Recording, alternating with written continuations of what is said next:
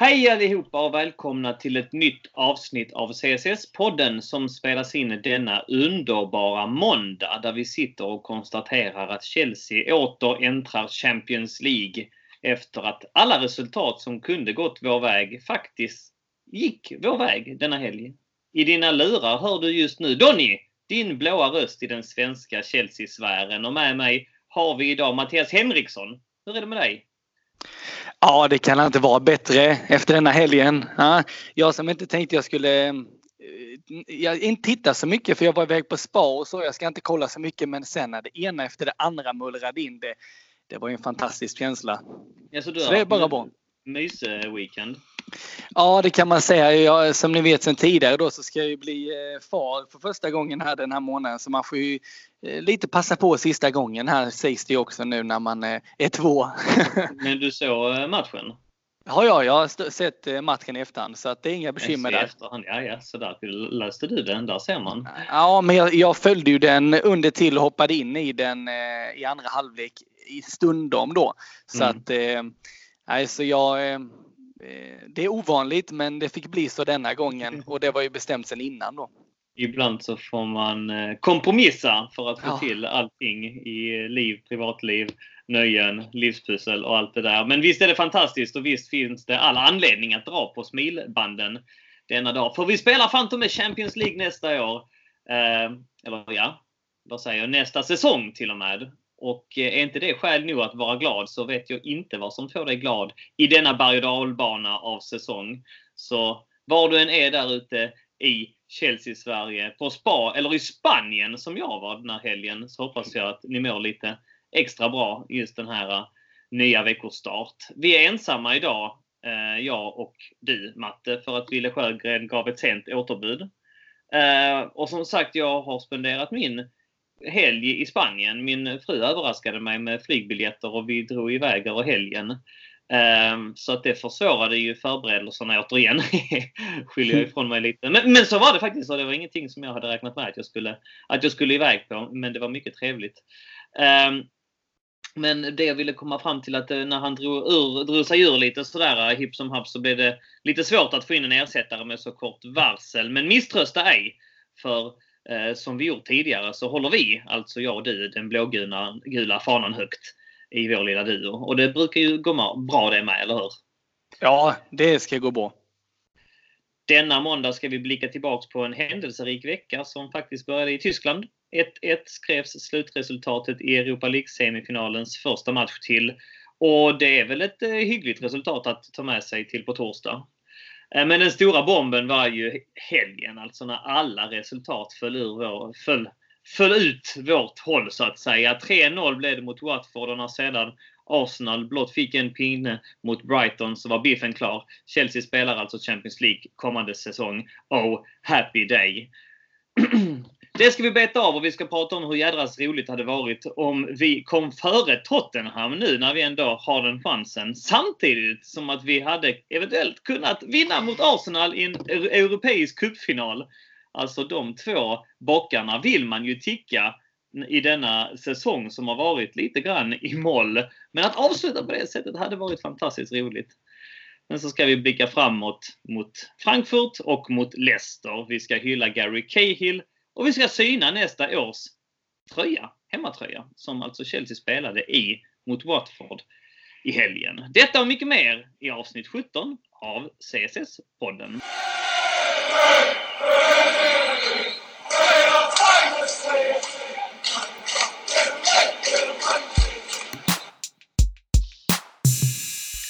Ja Matte, som sagt, du hör man, jag är lite hispig och glad och eh, sprudlar lite grann för att det var väldigt viktigt för mig att vi fick komma tillbaks in i Europas finrum. För mig var det en väldigt, väldigt stor grej att vi faktiskt placerade oss topp 4 trots allt e-, efter att det sett sådär hipp som happ ut den här säsongen. Men innan jag bjuder in dig i den eh, diskussionen och i den analysen så tänker jag first things first.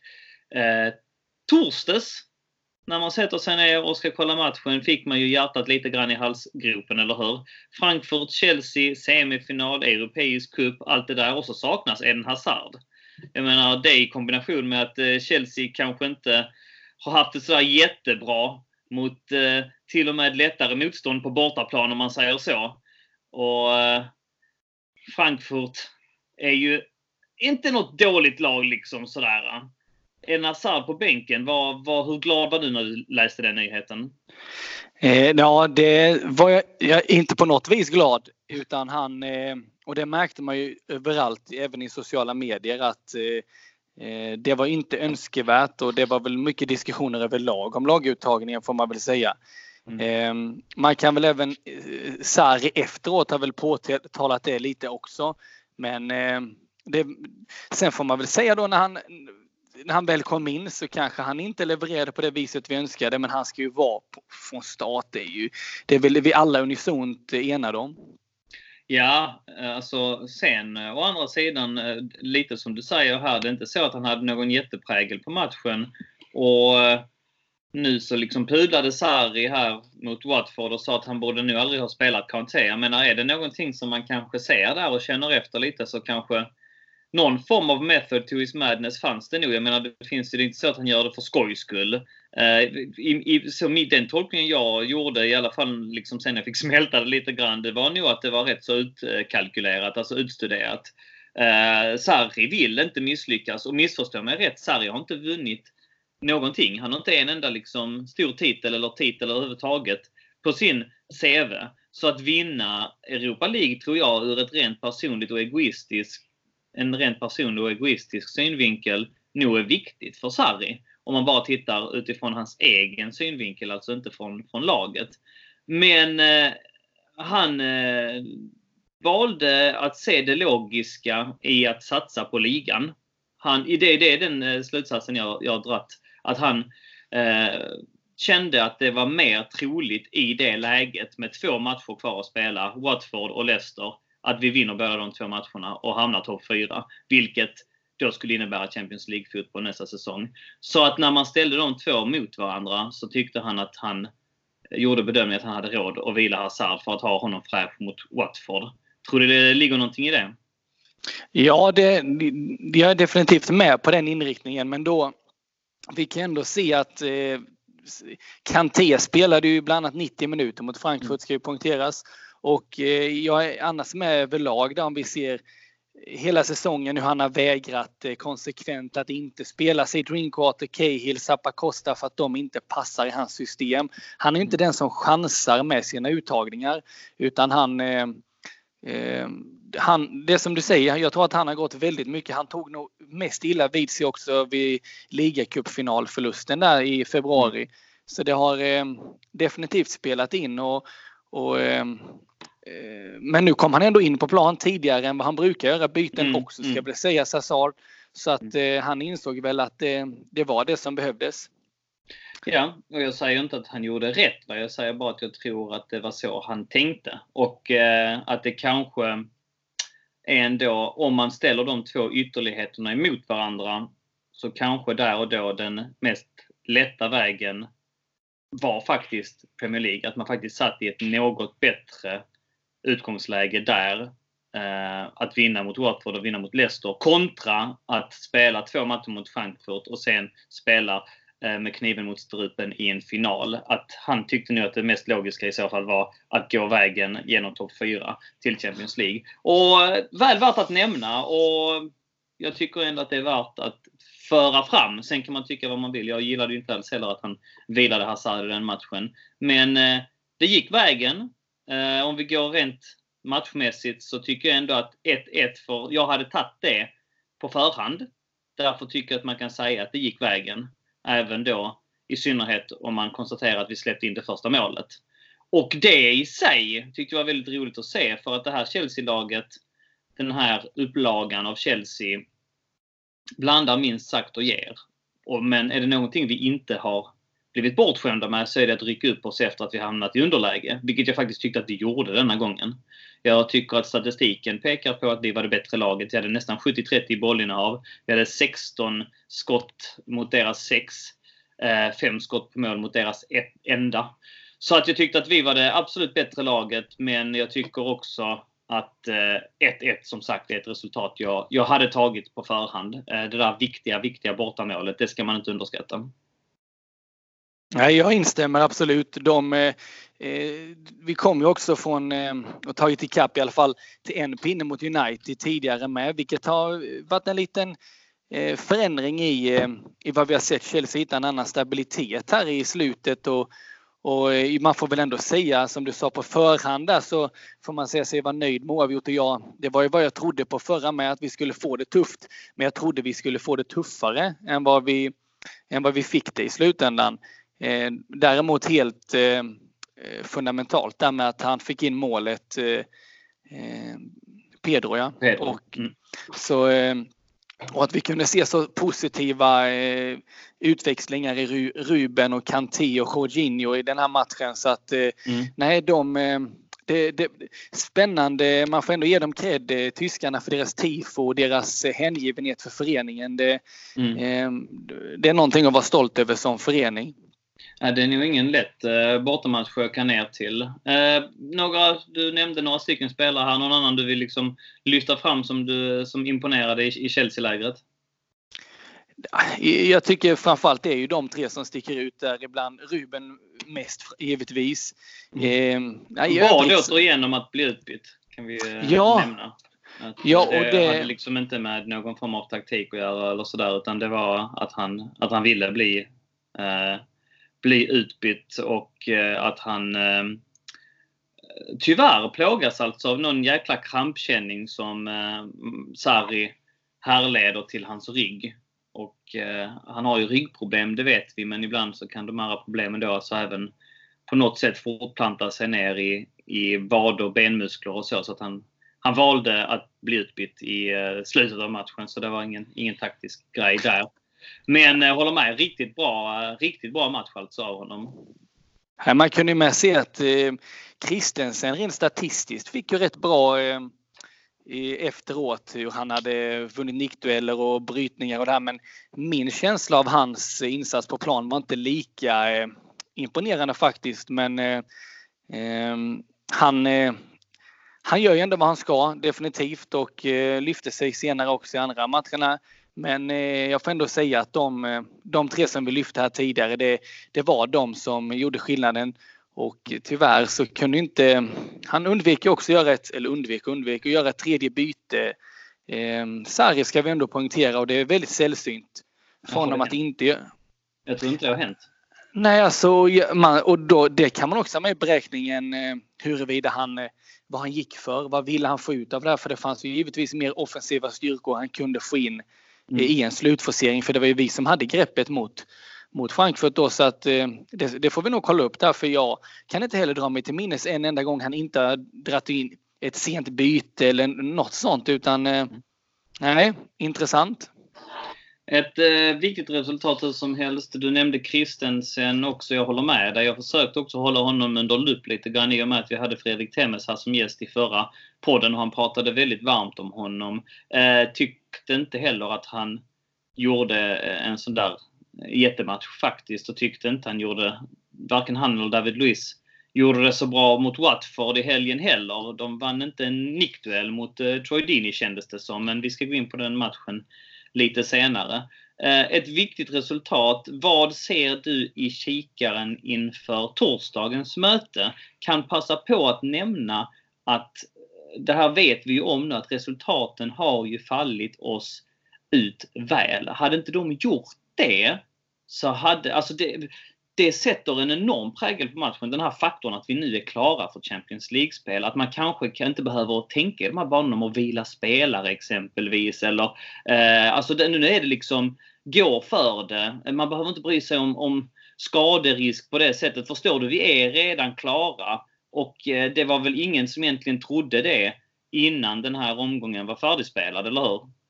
Nej, det var ju eh, en, en skänk och jag vet eh, innan där så fick jag frågan om jag hade valt en, en vinst i Europa League-finalen eh, kontra då att inte nå fjärdeplatsen. Och jag sa ju då att jag, jag gärna såg, såg båda för att det fanns ju en, en det finns ingen som skulle komma till en final och inte vara taggad och laddad och, och nu känns det som vi kan spela mycket mer avslappnat i, i Europa League nu. Vi har ju det i ryggen nu ju. Vi har ju det i ryggen. Så att, att nu, är, nu är vi klara liksom. Och, och, eh, matchen är ju redan på torsdag. Jag tänker att det är det är en bra grej att ha i ryggen. Ja, absolut. Och jag och inför den här matchen, jag menar det är ju, det är ju fullt krut på att ta sig vidare och det tror jag att det, det, det är vad alla spelare vill. Det är klart vi har tagit oss hit där vi är nu med målsättningen att vi ska vinna guld. Eh, och en större anledning också när Arsenal ser ut att ha tagit sig till final med så att inte de eh, får gotta sig på något vis. Mm, mm. Utan att eh, då håller vi också dem utanför eh, all form av Champions League-spel till nästa säsong också. Eh, så att eh, nej, det, det, känns intressant. Så i kikan så ser jag ett eh, mycket frustande Chelsea som, som startar med en Hazard på torsdag här och, och spelar på som i Tyskland men kommer att göra det, kommer att vara mer kliniska. Det är jag rätt säker på. De kommer inte klara att vara så tillbakapressade igen Frankfurt som de var senast. Frankfurt dock lite skadedrabbat ska vi ju nämna också. Eh, och eh, hur, hur bedömer du formen är på dem här nu då? För att eh, om inte jag helt fel för mig så gick de på en riktig plump här i helgen, eller hur? Ja, ja. Bayer Leverkusen fick de ju 6-1 förlust borta nu i igår till och med i samband med att vi vann. Och du nämnde redan i förra podden att de hade en rätt dålig form.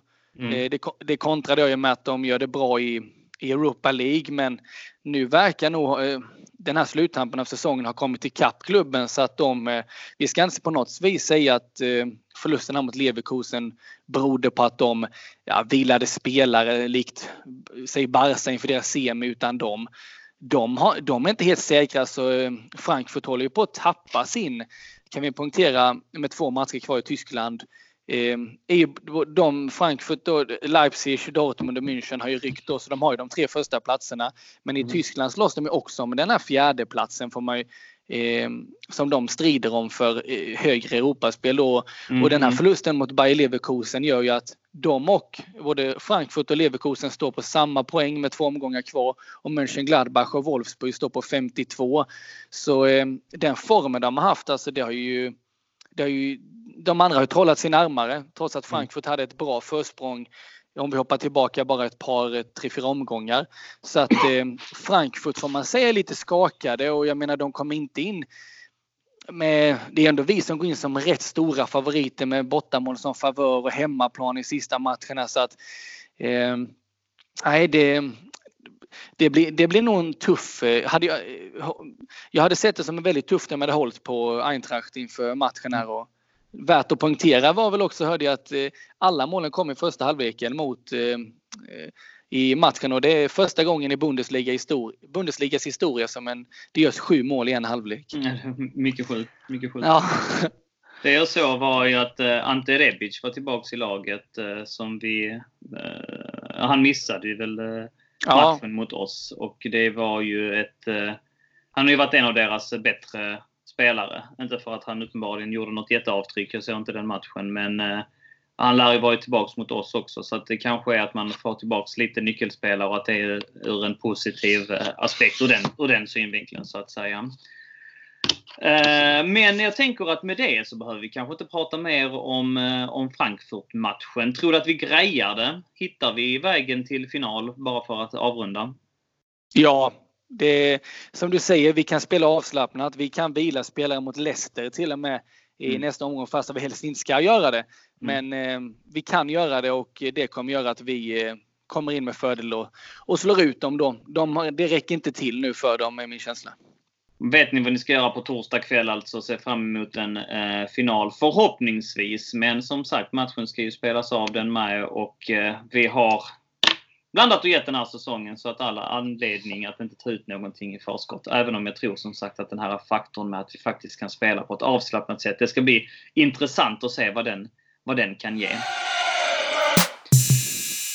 Men jäklar Matte, vilken helg alltså! Vad va, va roligt om man då fick smygstarta helgen redan på torsdagen där va? och eh, sen se liksom resultaten falla in eh, som dominobrickor. Jag menar, jag eh, strosade omkring i Spanien på lördagen och märkte att, eh, drog upp livescore och såg att Tottenham hade en man utvisad. Då tänkte jag, aha, men ska man börja hoppas? För jag tänkte att man får ju ändå titta lite grann, va? men det skulle väl inte, det ska väl inte till nu. Alltså det måste ju till ett mirakel om, om Bournemouth tar poäng där. Men Men sen så kom den andra utvisningen och då fick man djup hopp på riktigt. Så sen så eh, avbröt jag min lilla promenad faktiskt och drog igång via Play som numera funkar utomlands. Det är fantastiska nyheter. Och satt mig på Jaha. balkongen och ja, jag visst tog en öl och, och njöt av andra halvlek och jublade ju som en tok när eh, Nathan Ake nickade in 1-0 resultatet.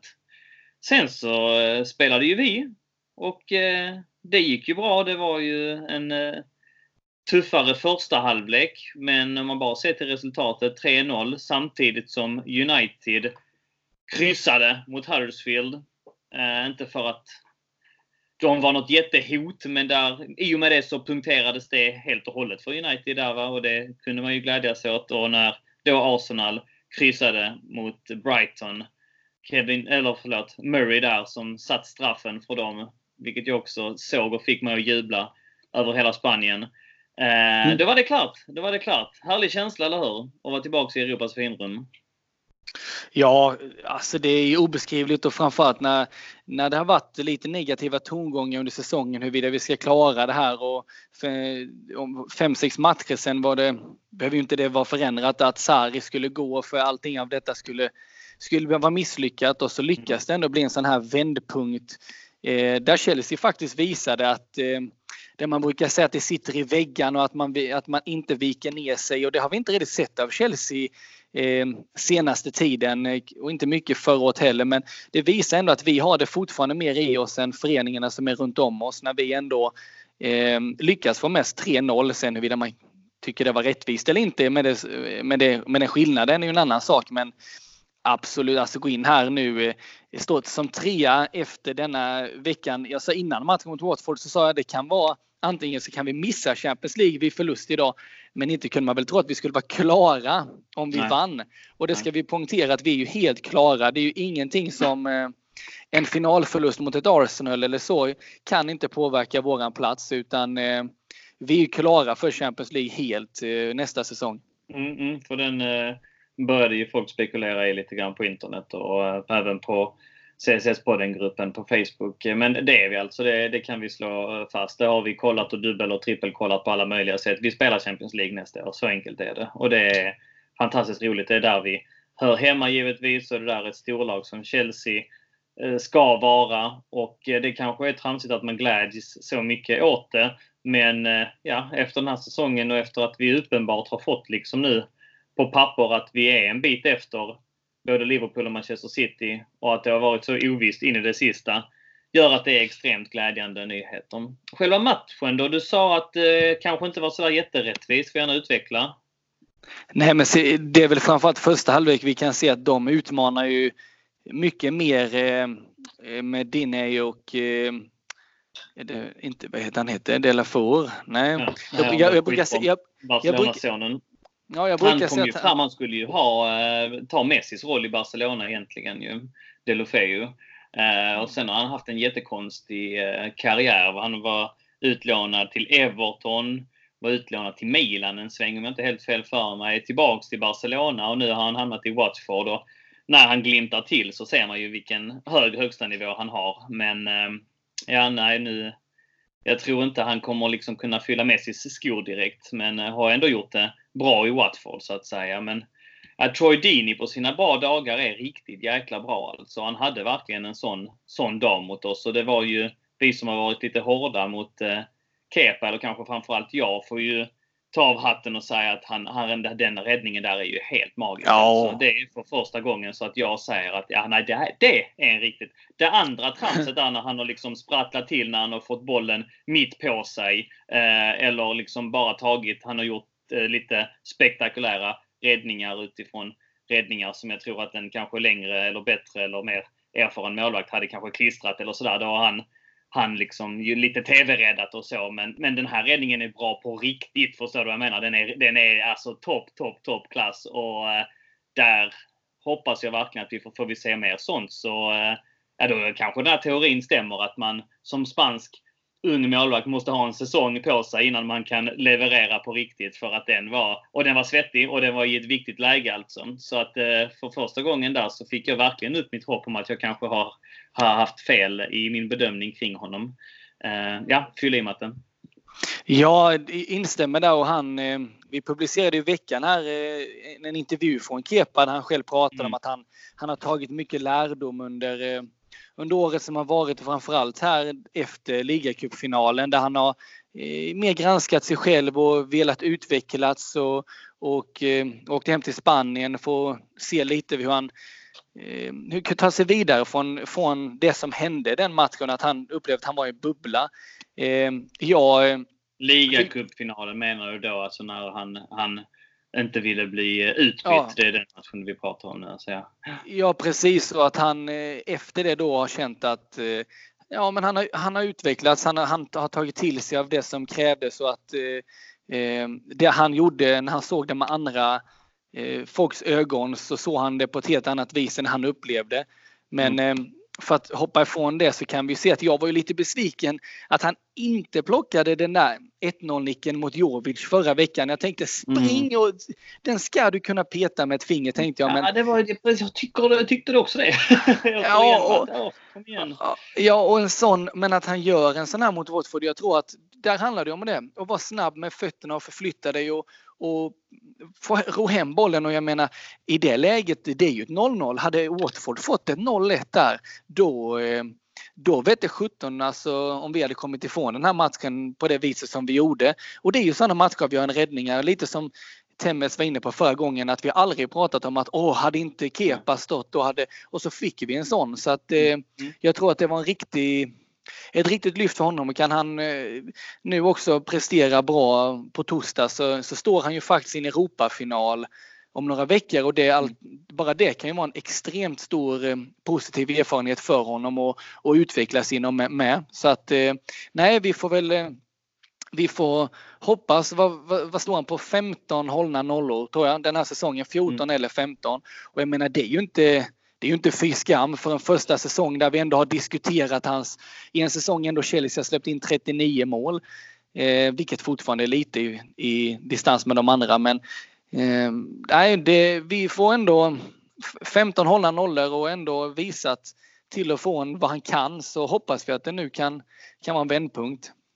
Ja, verkligen. Och eh, som, som du är inne på, eh, själva karaktären, själva motivationen eh, själva liksom personligheten Kepa Arrizabalaga är det inget fel på. Han, jag läste också hela den intervjun i, eh, i Daily Mail. Var, var glad att vi fick ut en artikel på vår svenska fansida också om det. Om, om ni inte har läst den så läs gärna vilken, vilken bra kille det verkar vara. Och eh, jag har varit kritisk mot hans vad, vad jag har beskrivit det som vad jag tror har varit bristande talang tidigare just i kombination med hans kanske längd.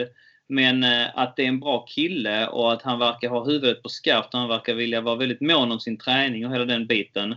Det, det råder det ingen tvivel om. Och att det blev fel i den här ligacupfinalen, det, det blev det. Det konstaterar alla. Men jag tycker att det är väldigt många som hoppat på tåget efter det och eh, varit överkritiska mot honom utan att på något sätt ha sett det från hans sida. Och det sa jag redan i poddinspelningen veckan efter där också att jag tyckte att det var lite mer komplext än vad folk ville få det till. Hur just själva den situationen spelades ut och det hade ju inte liksom att göra med att han vägrade att bli utbytt utan man förstod ju lite grann båda sidor. Jag gjorde det i alla fall. Jag tyckte också det såg lite dåligt ut. Men när han sen liksom tokpudlar och tar sitt straff som en man och ditten och datten. För mig tycker jag det är glömt. Det är vatten under bron för länge sen. Va? Så att, eh, den, och det verkar han också ha jobbat med och gått vidare från. Och liksom uttryckt att han har fått stöd från sin pappa och sånt. Fast att han, han bryr sig grabben och som sagt alltså kan han sätta ihop en, eh, en, en, liksom en rad med bra prestationer här nu så, så vore det ju guld för, för Chelsea eh, givetvis. Eh, någonting annat, någon annan prestation som vi är villiga att vi vill lyfta fram från Watford-matchen som eh, du tyckte var, är värt att eh, lägga fram också? Ja, framförallt tycker jag det är roligt att, eh, att Ruben får göra mål eh, mm. efter att alltid vara lite nära. Man ska säga han mm. ibland har en tendens att fastna lite utanför straffområdet. Men jag tycker ändå att... Bara en snabb eh, instick där. Varför fan startade inte han då?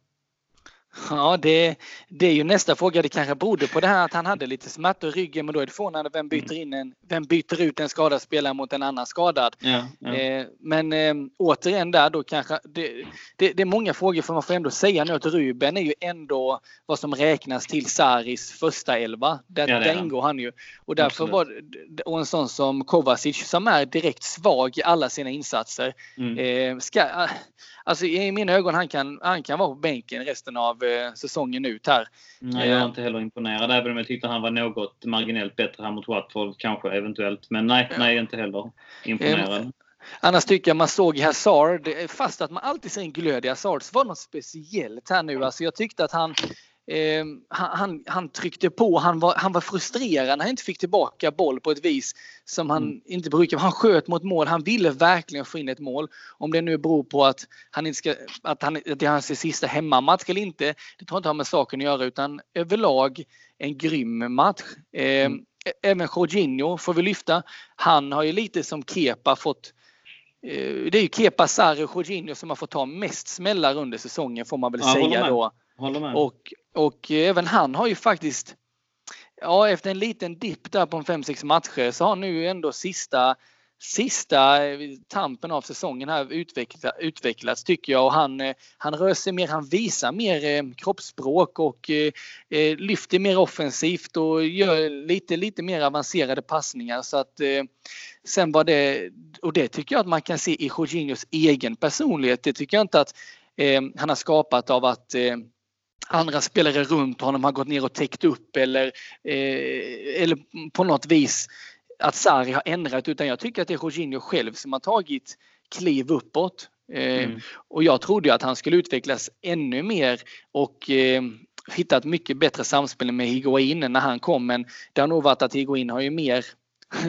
sänkt de andra än vad han har höjt de andra runt då.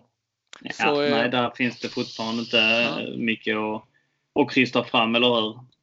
Nej, alltså eh, visst han gör ett eh, mycket kyligt mål och han visar det väl... Det är fint, absolut. Han tittar lite lätt och så gör han en chip. Han har ju full koll på läget. Det är ju inte en själv. Man hade inte ens gjort det själv. Mm. De, så han, är, han tycker jag väl också att vi brukar göra oss bättre utan. Men annars så både Hazard och Eh, Eh, eh, Ruben och eh, så då Kepa är väl de som sticker ut mest och sen så kul givetvis att Cahill spelade men han återkommer vi till lite senare. Precis.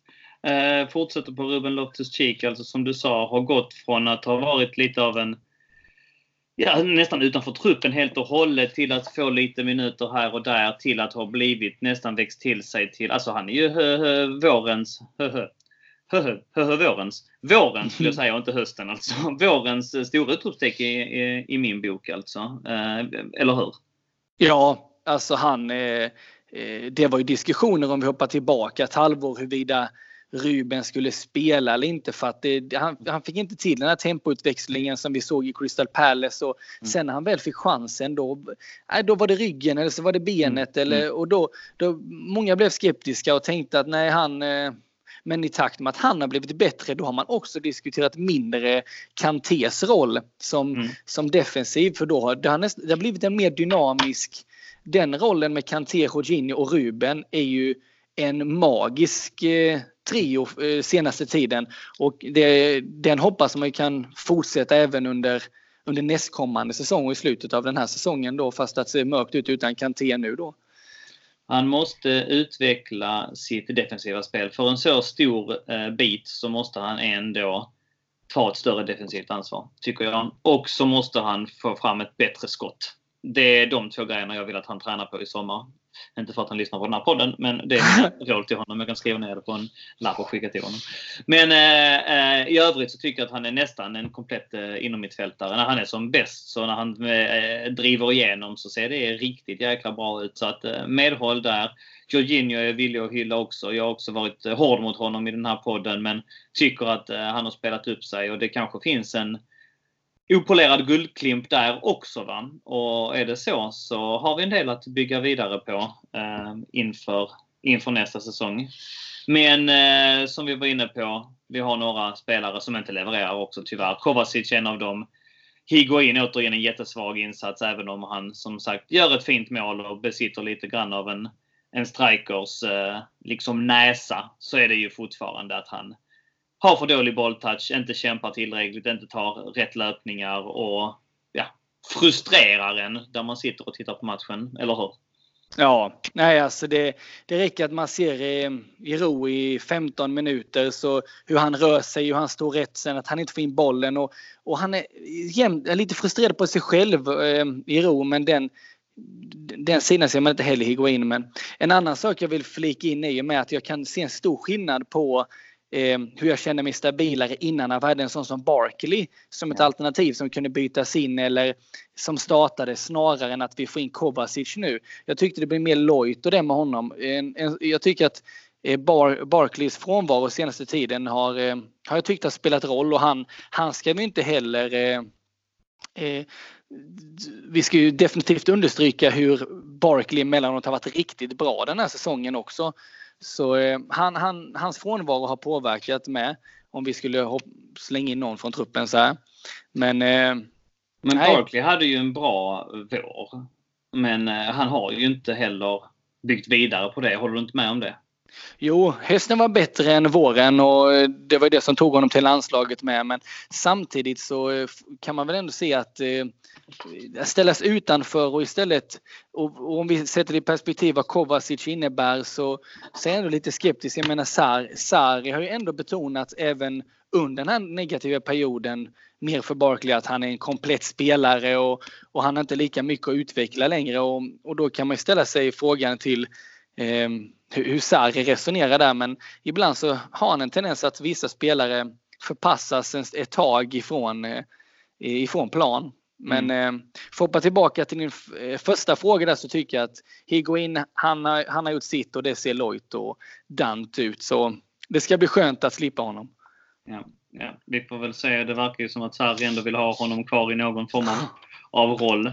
Men eh, som vi sa, resultaten har eh, fallit vår väg. Vi har haft, eh, jag håller väl också med om att det här kanske var lite av en match där vi hade lite marginaler på vår sida för en gångs skull. Och det är väl roligt att vi har det nu, att det kanske att det, att det på något sätt börjar vända. För att jag vill inte heller sitta här vecka in och vecka ut och, och prata om otur och stolpe ut. Men det har det varit den här säsongen alltså. Lika mycket som många andra lag har fått in bollar liksom i slutet. Vi ser att Liverpool är ett fantastiskt lag, tar ingenting ifrån dem. Men hade inte de jag undrar hur den hade sett ut om man hade tagit bort alla deras mål från och med den 85 och framåt. Och så fick de ytterligare ett nu här i helgen. Så att eh, det, de, är, de är viktiga va? och vi har inte haft riktigt det flytet på vår sida. Och jag tycker ändå att om man ska summera Watford-matchen så återigen, jag brukar försöka titta lite grann på statistiken också. Vi, vi vinner ju den ju återigen. 60-40 bollinnehav, fler skott, fler chanser alltihopa. Va? Vi kanske inte var 3-0 bra, men att vi skulle vinna matchen var ju tyckte jag var självklart och vi gör en kanonbra andra halvlek. Och värt att nämna igen va, är ju att eh, det här också blev en ny form av match för Chelsea. För att i de här fallen tidigare när vi har haft 0-0 med oss och så gått in i halvtid så har vi ofta kommit ut sämre och släppt in en boll liksom i 49 eller i 53 eller någonting. Här så kom vi ut som ett helt nytt lag och, eh, och gjorde det bra. Det var liksom som att någonting bara föll rätt. Va? Poletten föll ner eller något. Och eh, vi gasade på och fick in tre förlösande mål. Det var inte heller det att det blev krystat och att vi väntade. Men alltså 0-0 höll sig till 60, 70, 80. Man, man, man, man tittar på klockan. Man våndas och det blev det här handbollsspelandet runt straffområdet. Utan det var mer rakt på mål och äh, det var väldigt, väldigt befriande att se. Håller du inte med om det? Jo, definitivt och framförallt det som du är inne på där att Eh, hur vanligt det är rent procentuellt som vi har visat med att vi släpper in mål första kvarten och istället nu så höjde vi pulsen lite och det kändes... Eh, det är inte varje dag eh, eh, det här året som man har kunnat sitta ner och känna sig lugn och trygg med ett resultat när 1 eller 2-0 har kommit eh, för Chelsea. Men eh, den mm. känslan infann sig Eh, Eh, den här matchen tyckte jag och det, det, kändes, eh, det kändes betryggande och eh, är det något vi ska ta med oss och slipa på i fortsättningen så är det just den kanske lojheten som vi har visat efter, efter halvtid. Så att jag är, imponerad över alla aspekter och kul för hemmapubliken att vi, att vi fick se något så här roligt. Mm. Sista hemmamatchen i ligan alltså. Vi ska spela en sista match Eh, på torsdag också alltså eh, i Europaspelet.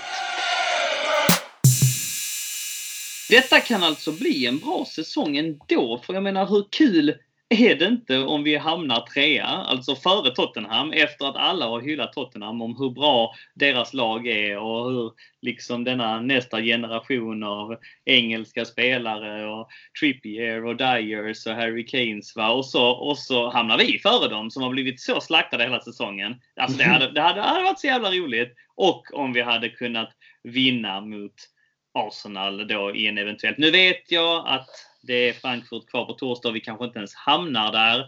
Men jag menar, man får ändå leka lite med tanken för att helt plötsligt så hade det blivit en, en jättebra säsong. Alltså, man hade tagit utgångsläget på förhand i alla fall, eller hur? Ja, definitivt. Det här är ju... Jag menar, vi gick ju in i, med förutsättningar till den här matchen om att Europa League kanske skulle vara avgörande för oss att ta oss till Champions League för att det var det som skulle bli räddningen den här säsongen. Mm. Så nu, eh, nej, det, det skulle, om, hade man, när vi hade, när vi hade hoppat tillbaka ett par, två månader med den trenden vi hade då och tänkte att jo men en Europa League-final, som du sa, vi är inte där än men vi får ändå, om vi pra, väljer att prata så, eh, att vi är i en Europa League-final med en potentiell titel där, en ligacupfinal och en bronspeng i, i Premier League, det är ju det nej, det är en huvudskakning nästan framförallt när man ser då och man ser att eh, Saris, skriket om att Sarri ska få sparken har ju ja, avtagit stundom får man väl ändå säga. Det får man säga. Mm. Och med all rätt. Med all rätt. Och jag tycker ju framförallt att det är två stycken sådana lokalkonkurrenter också va, som Tottenham och Arsenal. Om man hade liksom kunnat tvåla till dem så ja, det, det räcker för mig lite grann. I, under denna, denna säsong kan vi också se till att Liverpool inte vinner ligan. Nu ska vi säga att när vi spelar in detta så är det alldeles, alldeles strax matchstart i Leicester och Manchester City. Så vi vet inte hur utgången är där. Men, men vi hoppas ju såklart att, eh, att det går dåligt för Liverpool också. Och i så fall så, eh, ja, då har mina bönor eh, besvarats. så kan man väl säga. Fler aspekter ur Chelsea-Watford är ju att eh, Cahill fick några minuter i slutet. Cahill lite bitter, kom ut en intervju med honom där man hör hans frustration och man tycker lite synd om honom. Eh, han uttrycker innan Chelsea-Watford-matchen, alltså i en intervju med Sky Sports, att han var besviken över situationen och att han inte hade sådär jättestor respekt för Sarri och hans beslut att ha liksom totalt petat honom den här säsongen utan någon förklaring.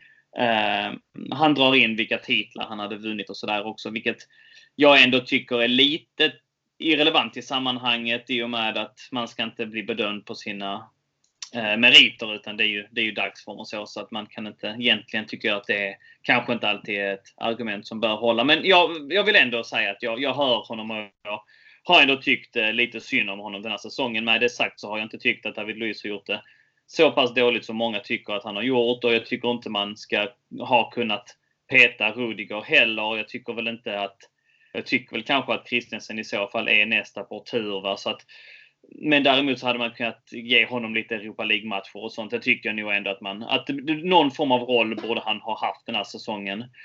Nåväl, jag babblar på. Han blir inbytt i slutet av, av Watford-matchen och får rättmätiga hyllningar. Vad va, va, vackert, eller hur Matten? Ja, rättmätigen. Alltså han, eh, han förtjänade och han kunde väl ha fått någon minut extra med. Men det, det, det, är kul att se, framförallt kul för honom efter matchen han går runt med och, och publiken stannar kvar och, och ropar då “He's won it all”. Så att mm. eh, mm. det, det, är en fin hyllning och jag kan dock tycka lite förvånad när Sarri själv sa i intervju att eh, han gjorde sin sista match för säsongen. Cahill, det behöver man inte veta. Det kan ju hända vad som helst i skadefront och allt sånt här. Så att, mm. Eh, mm. Så det är tråkigt att han har varit så långt ner i... Det får vi ändå poängtera som du, som du säger där att jag är med på att inte gamla titlar, nödv titlar nödvändigtvis ska värderas men, men eh, ändå att man får en förklaring på om man inte du vet när han ändå har gått, senaste ligamatchen han spelade var i september och sitter han hela tiden utan att veta och kanske med en förhoppning om att ja, chansen finns Eh, för som jag förstod det har det inte varit som Drinkwater han har sagt Drinkwater du kommer inte lira någonting för mig. Nej. Då är det, det är nog frustrerande och framförallt och Cahill har ju han har etablerat en stor kärlek till, eh, till Kungsblott och det, det märker man ju varenda gång han spelar. Absolut. Hur summerar vi hans eh, tid i Chelsea?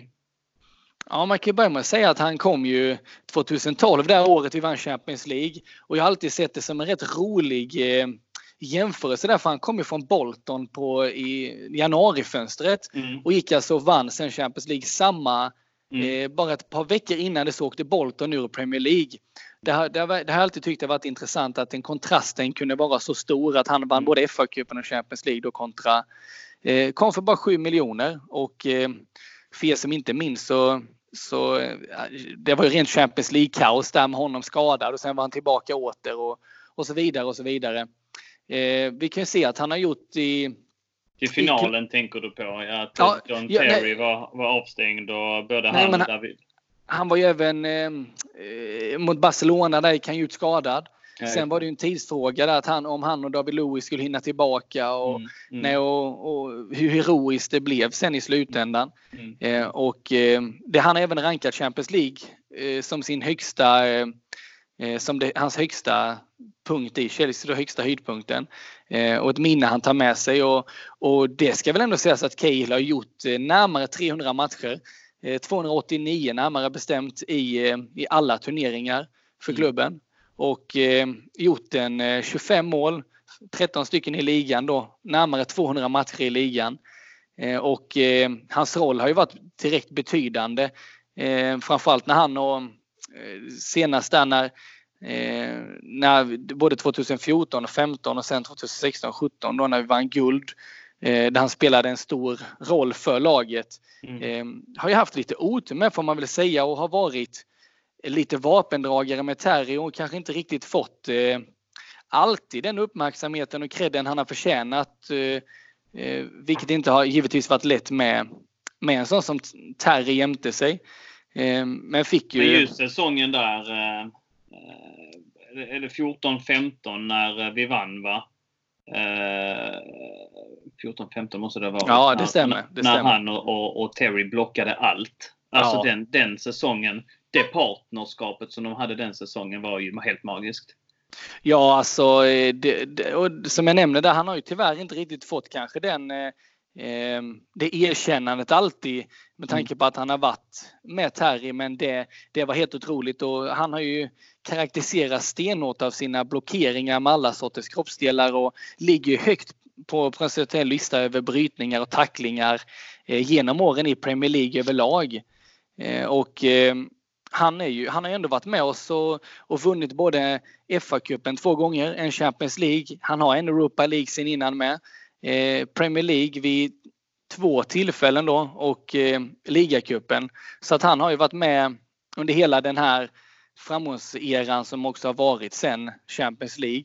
Mm. Så att han, eh, nej det har varit han har varit verkligen bra. Han kom ju från Bolton som en som ett, talang kanske var överdriva lite så, men han, mm. han, han var säker. Han gjorde mycket mål i Bolton. Han hade innan det blivit årets spelare i, i Burnley som han var utlånad till och lite sådana grejer. Och, och um, han har ju utvecklats kraftigt i, i Chelsea då. Det, han, när han talar om sin karriär så talar han ju uteslutande egentligen om om Chelsea och hur banbrytande det var och det var det som gjorde honom till, eh, till en världsback och mm. placerade honom i, i engelska landslaget också då som det tyvärr inte har gått lika bra i.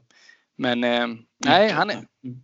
han är ju 30, eh, han blir 34 i år nu Cahill så att eh, något år till han har kunnat klara av gissar jag så att eh, nej, han har imponerat eh, och det har varit kul att, att ha haft en sån eh, Ja, han, han, är ju, han blir en av de sista. Om David Lewis lämnar med så blir ju, har vi inga killar kvar från Champions League-guldet 2012 denna mm, sommaren. Mm, mm. Ja, det är också väl värt att notera. För mig så var ju Cahill väldigt förknippad med Bolton. Eh, men då spelade han alltså bara fyra säsonger, eller bara bara, det är ju rätt lång tid också. Fyra säsonger i Bolton. Han gjorde sju år hos oss. Det, det är stort alltså. Idag är han ju förknippad med Chelsea som du gick igenom där med hans titelskåp. Det är fina titlar och eh, både där 14-15 och även eh, 16-17 där det kanske går att argumentera för att han hade en ännu mer betydande roll då i, i den här trebackslinjen med, med Conte. Så eh, ja, det är, nej, det är hatten av till en, en stor man, en, en fin, en fin eh, spelare, en, eh, en bra mittback och vad det verkar vara också en, en ganska en reko kille liksom med, med sunda värderingar som vi kommer att sakna. Det, så kan vi väl summera den. Ja, absolut, vi kan flika in där att de säsongerna som vi berömmer honom mest för 2014 och 2016 när vi tog titlarna, det är ju där, där gör han ju 36, 36 kontra 37 matcher.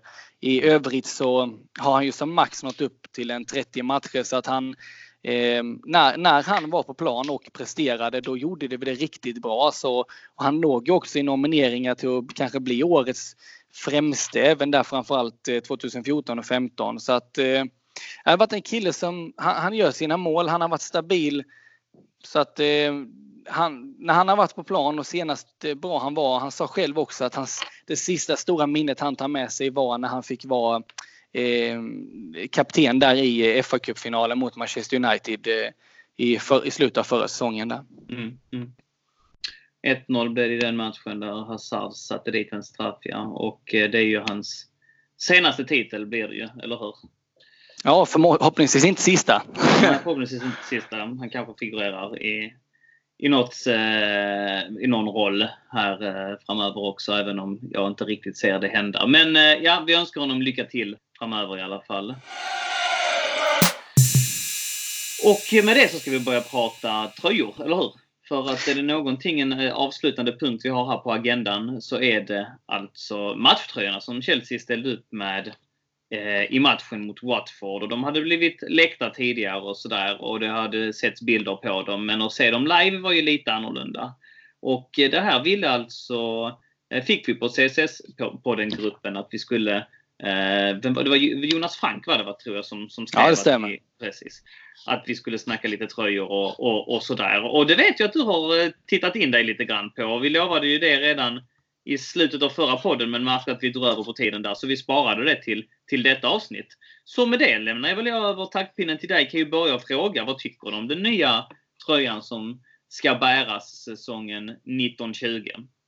Ja, tack så mycket. Det, min åsikt är väl att eh, först och främst lite, kan man väl tycka lite tråkigt att allting ska ha en sån här eh, betydande, lite storytelling och, och ett berättande bakom alla tröjor, vilket har blivit lite, ja, det är trenden senaste åren. Men med det sagt så tycker jag ändå att den känns, eh, från första känslan att det var en pyjamas, så tycker man väl att den, den växer fram något och, och jag såg några innan det potentiella preliminära tröjor och då tycker jag nog ändå att den här, den här eh, stack ut. Och, eh, ja, jag tycker att den, eh, den gör det intressant och att det här blåa är så tydligt översvämmande ändå att det är ändå det som tar över. När man ser den lite på avstånd så känns den väldigt kungsblå och sen när man kommer lite närmare så, så spelar den en liten annan roll då med de här detaljerna och det tycker jag är ett lite intressant inslag faktiskt. Så de, 1 till 5? Ja, 4 då. Alltså du, är håller den så högt alltså? Ja, jag, jag trivs med den men de... Eh, vad, vad är din känsla? Eh, nej, jag gillar inte den. Nej. Ja, nej, jag vet inte. Jag får några konstiga Manchester United-referenser just med det här mönstret i tröjan. Men det kanske är annorlunda om man ser den och får ta på den och sådär. Men eh, nej, min spontana känsla när jag såg den var att jag inte tyckte den var särskilt fin. Och de åsikterna förändrades väl inte riktigt eh, under matchen heller. Den var, den var mindre ful än vad jag trodde från första början, så kan jag säga. Men eh, den når upp till en svag tvåa i min bok faktiskt. Jag tycker eh, att den sticker ut lite. Alltså jag, jag ser inte de referenserna på samma vis där utan jag tycker att det känns som något, som något unikt Nike har gjort. Och jag förväntat mig att Nike skulle vara jättestilrena när de tog över Chelsea från Adidas överlag. Mm.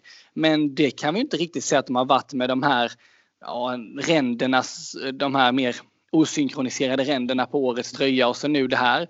Så att, eh, men tidigare har jag börjat gilla en tröja och eh, ändrat mig. Det kan med ske men eh, Nej, ja, det, något luftig. Jag är inte så glad i luftiga tröjor. Inte för att det ska vara som Kameruns gamla landslagströjor eller italienarnas. Men eh, nej. Men om vi, om vi hoppar tillbaka lite till vad det innebär överlag att ha en, eh, en matchtröja och, och vad det kan innebära för förening så, så eh, är det inte konstigt att, att man nästan vill göra någonting som sticker ut. Det är det som, som ligger i, i farten efter att eh, många har efter att Adidas hade sponsrat många lag i många år där mycket såg likadant ut så mm. har det blivit en liten annan eh, gång nu senaste åren med rosa tröjor och de här nästan slash-liknande tröjorna med olika blandningar av drinkar och allt möjligt på eh, i världsfotbollen så, så ser detta ändå bättre ut och ser vi då till Nike som tog över oss så var ju det eh, en, eh, den största, egentligen en av de största dealerna som Chelsea har gjort som förening. Och eh, de får ju väldigt mycket makt, de tröjsponsorerna som tar över. Man kan nästan säga att de tar över hela, hela idén med sina egna eh, designers och allt det här som de har. Eh, från föreningens egna eh, ansvariga då. Och det, det är en intressant, eh, intressant hur det kan arta sig. Men min min det person... blir alltså tredje tröjan med Nike. Ja, det stämmer. Mm. Och eh, de... Eh, ja, det... Jo, det... Precis, jag, jag tänkte bara vi har gjort två säsonger men det är givetvis har du rätt i. Ja. Eh, och på tröjan då så pryder ju bland annat då eh, Yokohama oss även nästa år. Eh, vilket är eh, ett avtal som kommer att vara under många år. Det är ju det näst det mest lukrativa avtalet som har gjorts i historien då. Det är bara United med sitt Chevrolet som är högre än vad vi är. Mm. Eh, Yokohama eh, eh, slänger också in lite extra där med Hyundai och så lite andra eh, allianceföretag som, som hänger samman då som kryddar avtalet lite mer och gör det lite mer eh, svårplacerat varför eh, eller varför United skulle vara bättre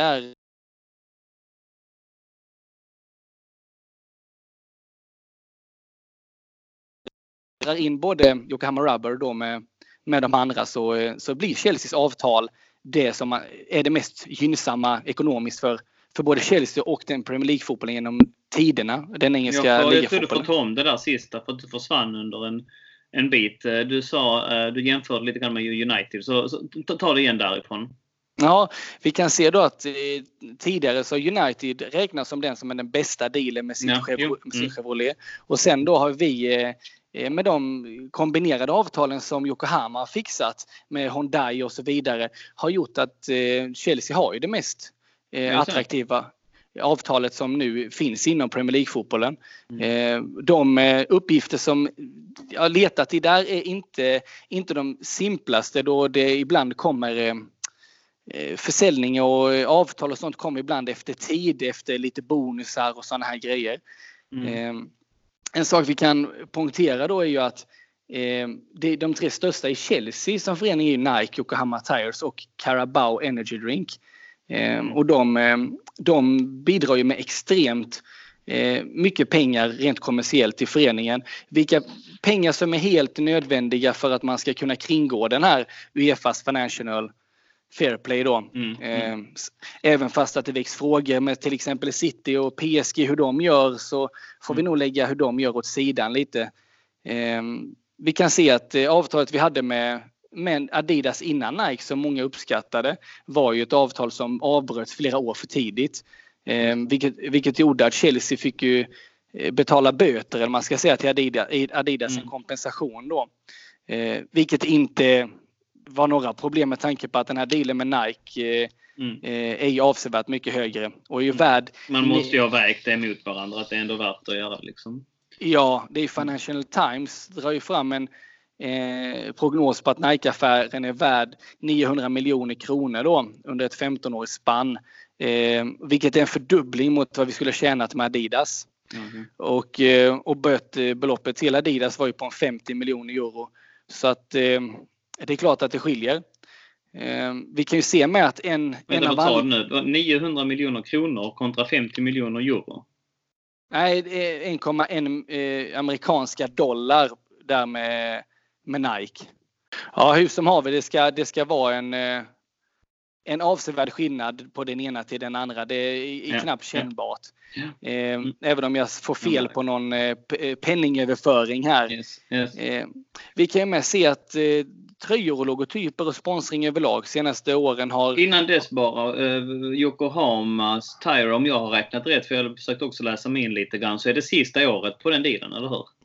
Ja, det stämmer, men den, eh, den förväntas förlängas. Mm. Och mm. Eh, den... Eh, men initialt den... var det en femårsdeal, eller hur? Som de då tecknade inför säsongen 15-16. Och om jag har räknat rätt så är det här femte året som kommer alltså med Yokohamas tröjor. Och den dealen var alltså, skulle vara värd någonstans i slängarna då alltså 200 miljoner pund sett över de här fem, fem åren. Så att det är ju extremt saftigt bara för att byta ut Samsung mot Yokohama. Men eh, som sagt, om jag har räknat rätt så är det alltså sista året med dem. Men återigen, ja, det du säger hade förväntats förlängas. Ja, ja och de, eh, när de tog, det är ju en förhandlings eh, en förhandling som lär träda i kraft nästa år och eftersom att det har varit så lyckosamt att Yokohama själv har adderat eh, ytterligare sponsorer från sitt företag till Chelsea så lär det vara en, mm. Någonting som fortsätter då det anses lukrativt för båda, båda parterna. Sen så ja, kan de alltid... ligga nöjda båda två. Ja, mm. ja och det, vi kan även se att eh, Bruce Buck har ju flertalet tillfällen uttryckt att han, eh, att Chelsea vill växa på eh, marknaden i Asien och att eh, de vill mm. även nå, nå, eh, nå, de har ju som plan att nå ännu mer i USA om några år, Chelsea. Mm. Men eh, att om de kunde knyta upp detta med med japanska företag och företag runt mm. omkring så skulle det ge en, ett högt marknadsvärde och att Chelsea kanske eh, skulle kunna förbättra sin, eh, sin försäljning av tröjor då som, som de för förra året var de på en, eh, en fjärde plats i Premier League med försäljning av tröjor och mm. givetvis är målsättningen att sälja, sälja flest då men mm. det, det lär nog dröja ett par mm. år men eh, men man ska till Japan i, eh, i sommar också Ja, givetvis. att de, Det är ju någonting som de, de slår ihop och kombinerar det här. Ja. Eh, och nu, ska, nu, när vi pratar om det mest ska vi även säga att här är ju de stora sponsorerna. Eh, det är ju inget, det är de som, som innebär mest pengar för att deras logo ska få synas. Mm. De andra, vi har en uppsjö av andra mindre företag som också tillhör i eh, sponsringen av Chelsea som Singabeer och så Vitality och William Hill och så vidare och så vidare. Men de, eh, de är mer de är mindre sponsorer men som ändå är behövliga. Mm. Så, då, så det vi kan få runda av det lite kan man ju se då att intäkterna vi har gjort under senaste åren hela tiden har ju bara ökat även fast att vi har missat Champions League och inte presterat i i kuppen heller. Och det är den som drar in mest pengar. Och ändå har vi gått med vinster hela tiden. Och det är ju de här bra tecknade avtalen vi har gjort. Eh, som förening och, och från att inte ha alls eh, eh, för att inte alls ha eh, varit sponsor, sponsorsnack på tröjor till för, för 20-30-talet år sedan inom fotbollen så har det blivit en, den helt avgörande faktor nu för att man ska kunna prestera som klubb överlag med försäljning av tröjor, försäljning av biljetter och vilka som står på din tröja, det namnet. Det är, det är den egentligen mest avgörande biten av, av allting just nu för att du ska kunna eh, prestera. Så får du inte försäljning så, så, eh, så ger det stor, stora marginella skillnader. Mm. Vi, vi, fick ju även eh, en fråga vilken Adidas vi upplevde som bäst. Och det gick jag igenom och jag... Vilken, eh, om Adidas eller Nike ja. eller vilken tröja vi tyckte var som bäst? Ja, ja precis. Ja, vilken tröja där som man tyckte var, eh, ja. ja. var den snyggaste då. Och eh, när jag tittat på det så, så blev min åsikt om det eh, den, tröjan, den guldtröjan vi fick året efter Champions League-guldet. Den, eh, den tyckte jag var vass 2012-2013 eh, med guldränder. Mm. Vi hade något liknande efter vår första Premier League-titel också. Jag tror det var 2005-2006 med guldinslag också. Också lite mörkare blå ja. i tonen. För att det ser man också när man kollar historiskt sett att eh, färgen varierar. Det är inte alltid att det är, är samma nyans av blått och så har det inte varit. Om man tittar längre bak. Va? Det är lite olika vita och uh, mycket, mycket rött alltså. Mycket, mycket röda inslag, speciellt om man går en bit bak, även då i första, första tröjan och även lite gula inslag och sådär. Men sen, sen jag började engagera mig så kommer jag ihåg den här autoglaströjan från då när ja. vi vann EFA-cupen med, eller förlåt, eh,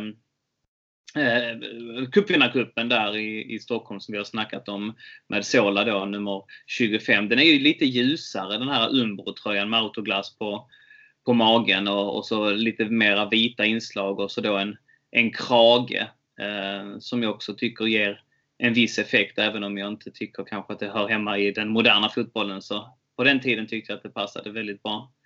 Och så sen då autoglas som ändå skickade ut ett visst budskap i kombination med att det, det laget där var väldigt häftigt att se på. Att jag sen blev också väldigt fast i det laget och att det gick över till Fly Emirates som sen då gifte sig med Arsenal. Men att vi, vi hade dem, de ärvde vår tröjsponsor säger man ibland i Chelsea-sammanhang på ett litet retfullt sätt.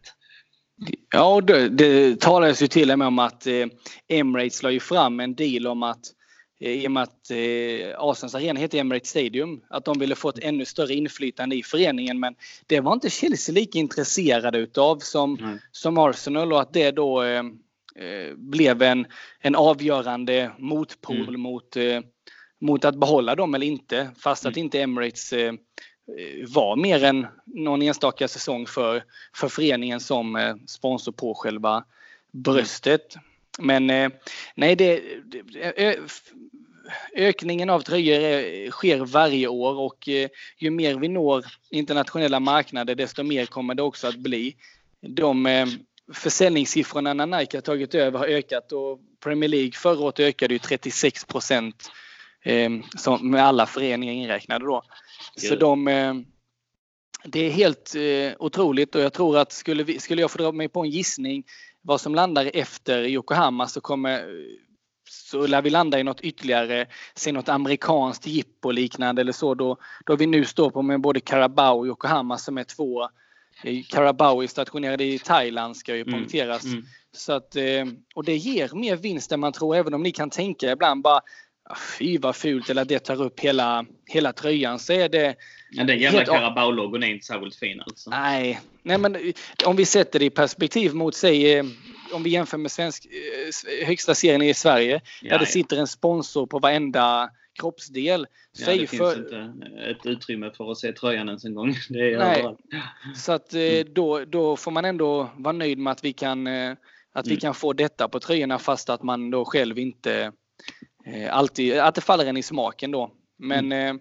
nej, mycket, att, mycket som spelar in vid de här valen och mycket pengar som cirkulerar och har varit direkt avgörande för att vi som förening ska ha kunnat andas eh, framgång med spelarköp och sånt här under de här åren. Absolut. Inte, det är en stor ekonomisk faktor men vi måste också såklart nämna att vi, vi, vi, har sålt mer spelare på sista tid också. Så att spelarförsäljning är också en stor ekonomisk faktor i det hela. Men ja. det kanske blir ett samtalsämne till en annan ett annat poddavsnitt. För att den här podden måste vi börja runda av. Jag tycker det var en fantastisk utläggning och jag hoppas att eh, folk är nöjda över vår lilla historiska skildring, eller framförallt din då. Så eh, stort tack för det Matte. Någonting avslutande om just tröjorna innan vi klappar ihop det paketet så att säga? Ja, vi får hoppas att det växer fram eh, ett, stö ett större intresse för för dig får man väl säga, men jag tycker att det är intressant hur den, vi har gått in mer på en Nike har fokuserat mycket mer på föreningen senaste åren att fokusera på Stanford Bridge och London överlag. Och det är ett intressant koncept och det kan ni läsa in er lite på hur, hur de har tänkt till bland annat med förra årets alla tre tröjor hur man kunde vad ska jag säga, eh, Q, sätta en QR-kod tror jag på med tröjan, 3D-tröjan. Förra året så kunde man ju kopplas till hemsidor och sånt här med vinster. Och, så mm. det är mycket sånt som pågår just nu. Så, man, så läs in er på tröjor som ni köper för det kan vara mycket intressant sådär i detaljnivå som man missar. Ja, ja häftigt. Mycket, mycket storytelling och mervärde ska dras från alltihopa. Det är... Ja. Nya tider. Det handlar inte bara om fotbollen på planen. Um, men så är det. Med det börjar vi runda av. Vi tackar för att ni har lyssnat. Eh, detta var nog det näst sista avsnittet av eh, CSS-podden. På ett tag i alla fall. Eh, säsongen kan vara slut redan på söndag, måste vi poängtera.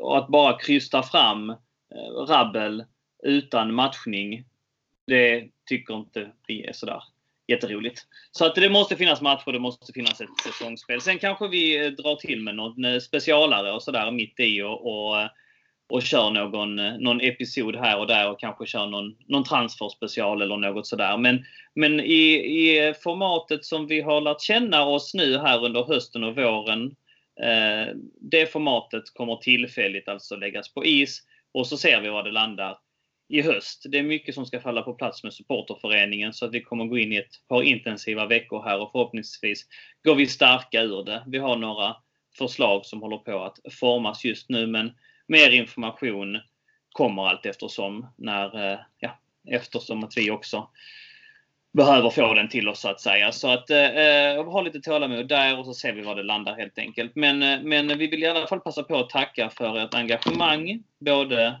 Eh, på, på internet och all feedback vi har fått och jag har fått eh, personligen till mig skickat både eh, liksom på Facebook och på mail och sånt. Och jag, jag tackar ödmjukast och det har varit, varit väldigt roligt initiativ och varit väldigt roligt att vi har kunnat få ut så många avsnitt på en sån ändå under, under en sån lång, eller lång tid, men alltså i alla fall en regelbunden, ett regelbundet inslag. Och det har varit kul att spela in. De har ju haft många intressanta gäster som har bidragit. Men som sagt, det hade inte varit lika kul ifall, ifall vi bara hade haft sådär 20 lyssnare eller någonting. Men nu har vi liksom ett konsekvent anständigt antal som lyssnar på oss och det är väldigt många lojala lyssnare. Det är många som uttrycker det när, som kan eh, grejer i, i, i poddvärlden att eh, det är, vi har en väldigt hög procent av dem som börjar lyssna på ett avsnitt som också faktiskt lyssnar färdigt till sista minut. Så att det är vi väldigt, väldigt tacksamma för. Med det sagt, som sagt, har ni feedback och kritik eller någonting annat ni vill lyfta så, så eh, kom med det. Det är inga konstigheter och eh, är det så att ni har inputs kring ja, hur ifall ni har eh, att vi just det här sådana inslag som kanske inte är direkt tids eh, vad säger man relaterade på det sättet utan exempelvis att man kan prata lite tröjor eller sånt annat va, som, som inte är beroende av just hur läget är i laget just nu och sånt så får ni gärna komma med de förslagen också till oss. Så vi brukar vara lyhörda och i den mån vi kan och, och så så babblar vi på och jag tycker allt som oftast att det blir intressant. Så att eh, fortsätt kom med det. Det uppskattar vi. Eh, Matte, någonting avslutande eller fick jag ihop det hyggligt där? Jag tycker du fick ihop det jättebra. Nu nu allesammans stöttar vi så att vi tar oss till Europa League-finalen på den 29 maj i Baku. Så jag tycker du gjorde jättebra Daniel. Så... Precis, vi har alltså en... Eh, ett, ett, förutsatt att vi tar oss nu till finalen får vi se här på torsdag. Va? Men eh, då är det ju eh, en onsdagsmatch är alltså Europa League-finalen på i Azerbajdzjan alltså. Men den ligger en, en hygglig bit in i tiden efter då vår sista match. För att vi spelar alltså mot Leicester eh, på söndag och det är alltså den 12. Och eh, Europa League-finalen var, vad sa du, den 29? Ja, 29 maj, det stämmer. Precis. Så att eh, det är ju lite drygt eh, två och en halv eller två, ja, två och en halv vecka ish efter den matchen. Så eh, ja, vi får se helt enkelt. Men eh, minst ett poddavsnitt, det lovar vi er innan vi knyter ihop säcken. Så, eh, så är det med den saken. Stort tack för att ni har lyssnat. Återigen, fortsätt engagera er, fortsätt vara schyssta, inte bara mot oss utan ta hand om varandra där ute i Chelsea-Sverige också. Så blir det så väldigt mycket roligare att både prata, titta och andas Chelsea. Med det sagt Carefree och Up the Chills!